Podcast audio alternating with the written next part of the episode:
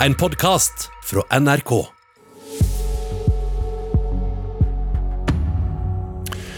Og da åpner vi dørene for Fredagspanelet. I dag består panelet av Sigrun Aasland, nestleder i Tankesmien Agenda, Mathilde Fasting, siviløkonom og idéhistoriker i Tankesmien Civita, på linje fra Tønsberg for anledningen, og Audun Molde, førstelektor ved Høgskolen Kristiania. God morgen, alle sammen. Takk, God morgen. Takk, god morgen. Og du eh, ser, ser, oss ikke, Mathilde, og vi ser ikke deg, så du må bare rekke opp hånden hvis det er noe du vil si underveis. Det skal jeg. Vi går rett på første tema for dagen. Det ble storeslem for filmen Barn, som vant ni priser under Amanda-utdelingen denne uken. Deriblant flere av de største prisene, som prisen for beste kinofilm. Regissør Dag Johan Haugerud vant også for beste regi. Og vårt spørsmål i den anledning er er det et godt tegn for norsk filmbransje at én film får så mange priser? Vi kan begynne i Tønsberg. Nei. Molde. Eh, Verken godt eller dårlig, sier ja. Aasland. Jeg sier nei. Da skal du få lov, Audun Molde, til å begynne, siden du var tvilende. Det er litt fordi at jeg har ikke sett filmen. Det kan jo være at den fortjener alle prisen som den har fått. Så jeg kan ikke på en måte sitte og diskreditere den uh, prisutdelingen uh, uten å vite noe om det. Men øh, om det er sånn generelt bra eller dårlig, det er jo fint at priser spres ut på flere, og at ikke minst at du får opp nye unge talenter. Men samtidig så er det jo også sånn at øh, gode folk, det er en dyktig regissør, er det mange dyktige folk som har vunnet den prisen. Og dyktige fagfolk trekker jo gjerne til seg andre dyktige fagfolk. sant? Og da får du et fagmiljø eh, hvor du faktisk plutselig kan vinne en del fagpriser. da fordi at de dyktigste folka har jobba sammen med, med, dette prosjektet. Så det, det, kan jo være en sånn storeslem av og til også, at det faktisk er fortjent. Mathilde Fasting, du sa nei? Ja, jeg sa nei. fordi at altså, hele konseptet norsk film er jo veldig smalt. sånn at når én da tar alt sammen, så er det jo helt åpenbart at filmen 'Barn' er veldig bra. Det, det er jo ikke det, det er ikke det som er problemet her. Men det er også en annen film som var bra der, og den vant ikke så mange. Men det er jo bare tre stykker i hver klasse, ikke sant. Sånn at det er jo kjempesmalt. Så hele spørsmålet er jo om ikke bare prisutdelingen, men, men hele filmmiljøet er for lite. Mm, og, og, bare så vi har presisert det, vi sier jo ikke her at Barn ikke er en bra film. Vi bare sier at det er ikke andre bra filmer i tillegg, ikke sant? Det er riktig, for jeg har hørt mange som sier at dette er en helt superbra film. sånn at det, det er jo helt fortjent sikkert for den filmen. Og tar man og går til Hollywood f.eks. og ser på Oscars og sånn, så er det bare det at konkurransen der er bare mye, mye større. Men der er det jo også noen filmer som innimellom får veldig mange priser, så det er jo ikke sånn akkurat Det er ikke så veldig rart at én film stikker av, men hele, hele Amanda-utdelingen viser jo at det er 22 klasser, og her er det ni priser som går til én film. Og så er det bare, som jeg sa, tre stykker i hver klasse, så det er jo liksom ikke Det er ikke så mange å ta av. Aasland, du sa også nei på om dette var et sunt tegn. Ja, jeg sa nei. Jeg grugleder meg til å se filmen. Det er sikkert en, en veldig god film, og veldig forferdelig og trist film. Men jeg tenker man skal alltid være litt skeptisk til monopoler og konsolidering og når vinneren tar alt. Det skjer jo på veldig mange områder, stadig oftere, og det skjer også her. Og så er jeg enig med Audun i at vi er et lite land, og det er bra at vi har skikkelig gode filmer og gode fagmiljø. Så det er ikke et helt ubetinget nei, men, men det er jo en viss fare for, for konsentrasjon av, av gevinster, og at noen stikker av med alt, og at noen mindre miljøer da sliter. Det som kanskje plager meg litt mer, er jo at det er alltid de samme skuespillerne i alle filmene. Også på tvers av nominerte filmer. Er det det, eller er det bare et inntrykk du har? Ja, det er mulig det er et inntrykk, jeg har ikke noe statistikk på dette.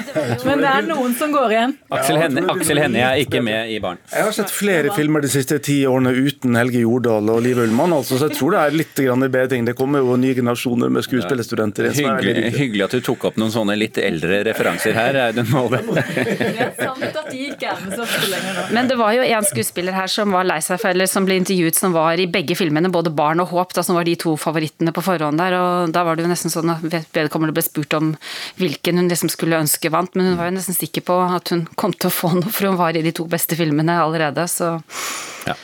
Sånn er det. Du, Vi fortsetter med neste spørsmål, og vi skal over dammen til USA. Fordi det digitale landsmøtet til Det demokratiske partiet er nå over. I går ba artisten Billie Eilish folk registrere seg og stemme som om det var livet selv og framtiden som sto på spill. We all have to vote like our lives and the world depend on it because they do. The only way to be certain of the future is to make it ourselves. Please register. Please vote. Så vårt spørsmål er, er Nei, det er eh, spørsmål nummer to, ja. Gir det uttelling i flere avgitte stemmer under valget at artister som Billie Eilish stiller opp, eh, Aasland? Nei. Molde. Eh, kanskje? Ja. Fasting. Ja. Hvorfor tror du ja, eh, fasting? Jeg tror og håper. jeg, jeg, tror alle monner drar, men, men hvis, hun, hvis, hun, nå sier altså Flere Hollywood- og Sandnes-type stjerner sier jo ofte Stiller også ofte for dette her, men, men, det er ikke egentlig noen statistikk som viser at det, det, vil gi flere stemmer. Men det kan være hvis de syns at kandidaten som hun anbefaler er kul, og da er i hvert fall kanskje Camela Harris en, en, et godt valg av Biden, da, for hun er litt kulere enn Biden. Så det, hvis de unge syns det, så kan det være de hører på Billie Eilish. Ja, jeg hadde også lyst til å si ja, men jeg sjekket med forskningen og USA-ekspertene, og de sier nei. Det har ikke noe særlig effekt. Eh, kanskje med unntak av Oprah Winfrey da hun gikk ut og støttet Barack Obama, men du må liksom opp på Oprah-nivå for at du skal få skikkelig uttelling. Og så er det nyanser i dette. At eh, det kan ha noe betydning bare for å gjøre folk bevisst på at det er et valg, f.eks. Hvis de ikke følger med på kanaler eh, der det diskuteres politikk, men ser at eh, filmstjerner snakker om det. Eh, men det fins ikke noe særlig belegg i hvert fall for å si at det har effekt. Mm. Er du tvisynt også her, med andre ord, Molde? Nei, Jeg svarte som jeg gjorde fordi at uh, eksempelet var Billie Eilish. Da, for Det kommer jo litt an på hvem dette er. Um, og akkurat Billie Eilish også, en ting er at Hun er jo 60 år yngre enn kandidaten. Tenk på det. Uh, og Hvis hun får litt flere unge til å stemme, så er jo det veldig bra for det amerikanske demokratiet. Og for kanskje mer riktig utfall av valget i forhold til demografien i USA. da.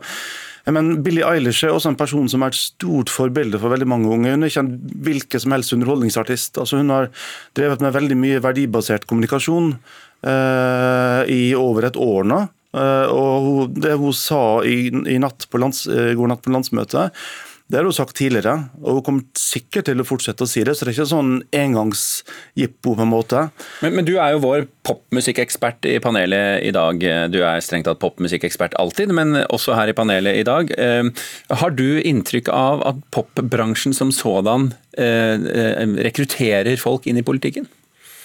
Ikke, nei, ikke, ikke som politiker, altså, men som, som stemmetager?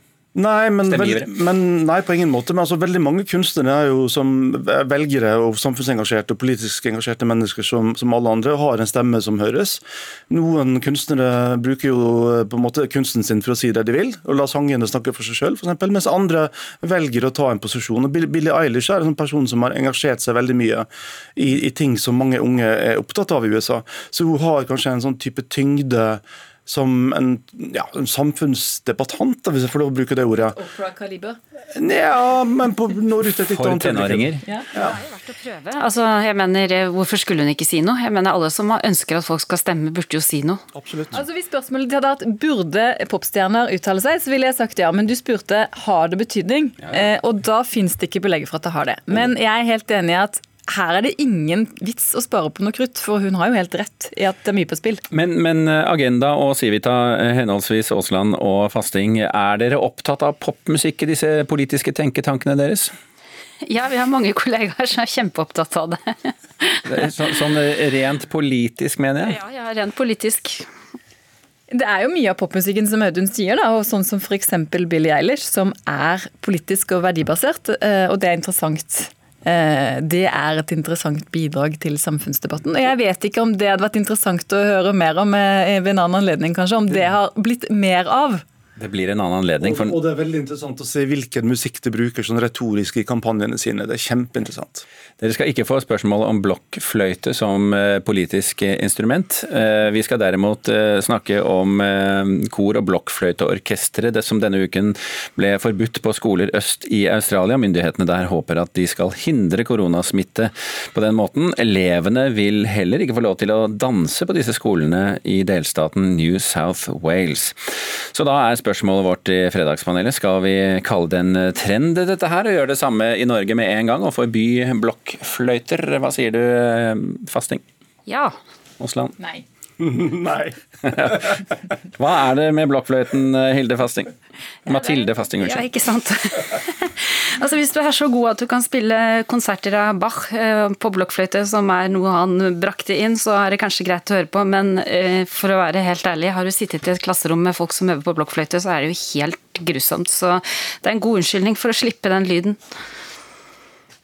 Blokkfløyter er jo en uh, utrolig viktig inngang til musikk for barn og unge. Uh, jeg tenker det skal vi ta vare på. Og så er jeg veldig opptatt av at vi skal ha kunnskapsbasert smittevern. Vi skal selvfølgelig gjøre alt vi kan for å hindre smitte, men jeg håper at vi på en måte nå i denne nye bølgen som vi er inne i nå, ikke setter i verk alle mulige tiltak, men velger de som har en effekt. Så hvis forutsetningen er at blokkfløyte ikke har noe særlig smittevernseffekt, men noen ikke liker å høre på det, så er svaret mitt nei. Ja, Blokkfløyter er jo en sånn eh, levning fra middelalderen som har blitt hengende igjen litt da i skolen. Hadde høy popularitet på 1500-1600-tallet, som Mathilde snakker om. Men uh, vi har jo alternativer i skolen. Da. Vi har jo alt fra ukulele til garasjeband og mye annet som heldigvis har kommet inn for å gi, som er litt lettere å, å, å spille på. Så. Men uh, vi kan ikke forby alt vi ikke liker, da, selv om ikke vi liker lyden av blokkfløyte. Men hvis jeg skal forsøke å svare litt seriøst på det til slutt, da, så er det jo større problemer i kulturlivet nå enn blokkfløyte. Altså. Og jeg jobber jo selv med musikkundervisning, og, og dere aner ikke hvor mye desinfisering av miksebord og mikrofoner og gitarer og alt mulig vi holder på med. Altså. Og vi hørte for, innslag også nå om konserter og konsertlivet som står i stampe. Så seriøst sett da, så tror jeg vi har viktigere ting på agendaen enn blokkfløyta. blokkfløyte. Mm. Kan det være noe i det, eh, Hilde, Mathilde Fasting, eh, at det er eh, viktigere ting? Og at du bare har et horn i siden til blokkfløyten? Ja, helt riktig. Jeg, jeg tenkte at eh, man måtte være litt grann humoristisk her når det gjelder blokkfløyten, så jeg skjønner jo at man ikke kan forby alt man ikke liker, men akkurat nå så syns jeg at det var en ganske god kandidat å forby. Men eh, jeg er helt enig, selvfølgelig så handler det jo ikke bare om å, å forby blokkfløyter, og man vet ikke om det er smittsomt, men, eh, men når det kommer på det, så sitter man jo og spytter og tygger på den tuten, så hvis den ikke blir desinfisert ordentlig, så kan det jo være en fare. Blokkfløyter er jo ikke så veldig smittsomt når det gjelder å spre musikkglede, da. Det er vi kanskje litt enige om.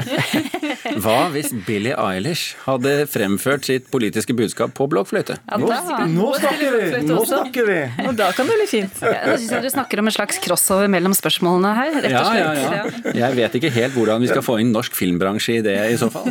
Filmatiseringen av det hadde norsk- vunnet ni Amanda-priser. Her har jeg et forslag. Billie Eilish i en norsk film spiller blokkfløyte for å fremme et politisk budskap. Aldri mer populært enn det blir blokkfløyten. Let's go. Ok, Sigrun Aasland i Agenda, Mathilde Fasting i Civita og Audun Molde, Høgskolen Kristiana. Tusen hjertelig takk for at dere utgjorde vårt fredagspanel i dag. Takk for at du fikk komme. Du har hørt en podkast fra NRK. Hør flere podkaster og din NRK-kanal i appen NRK Radio.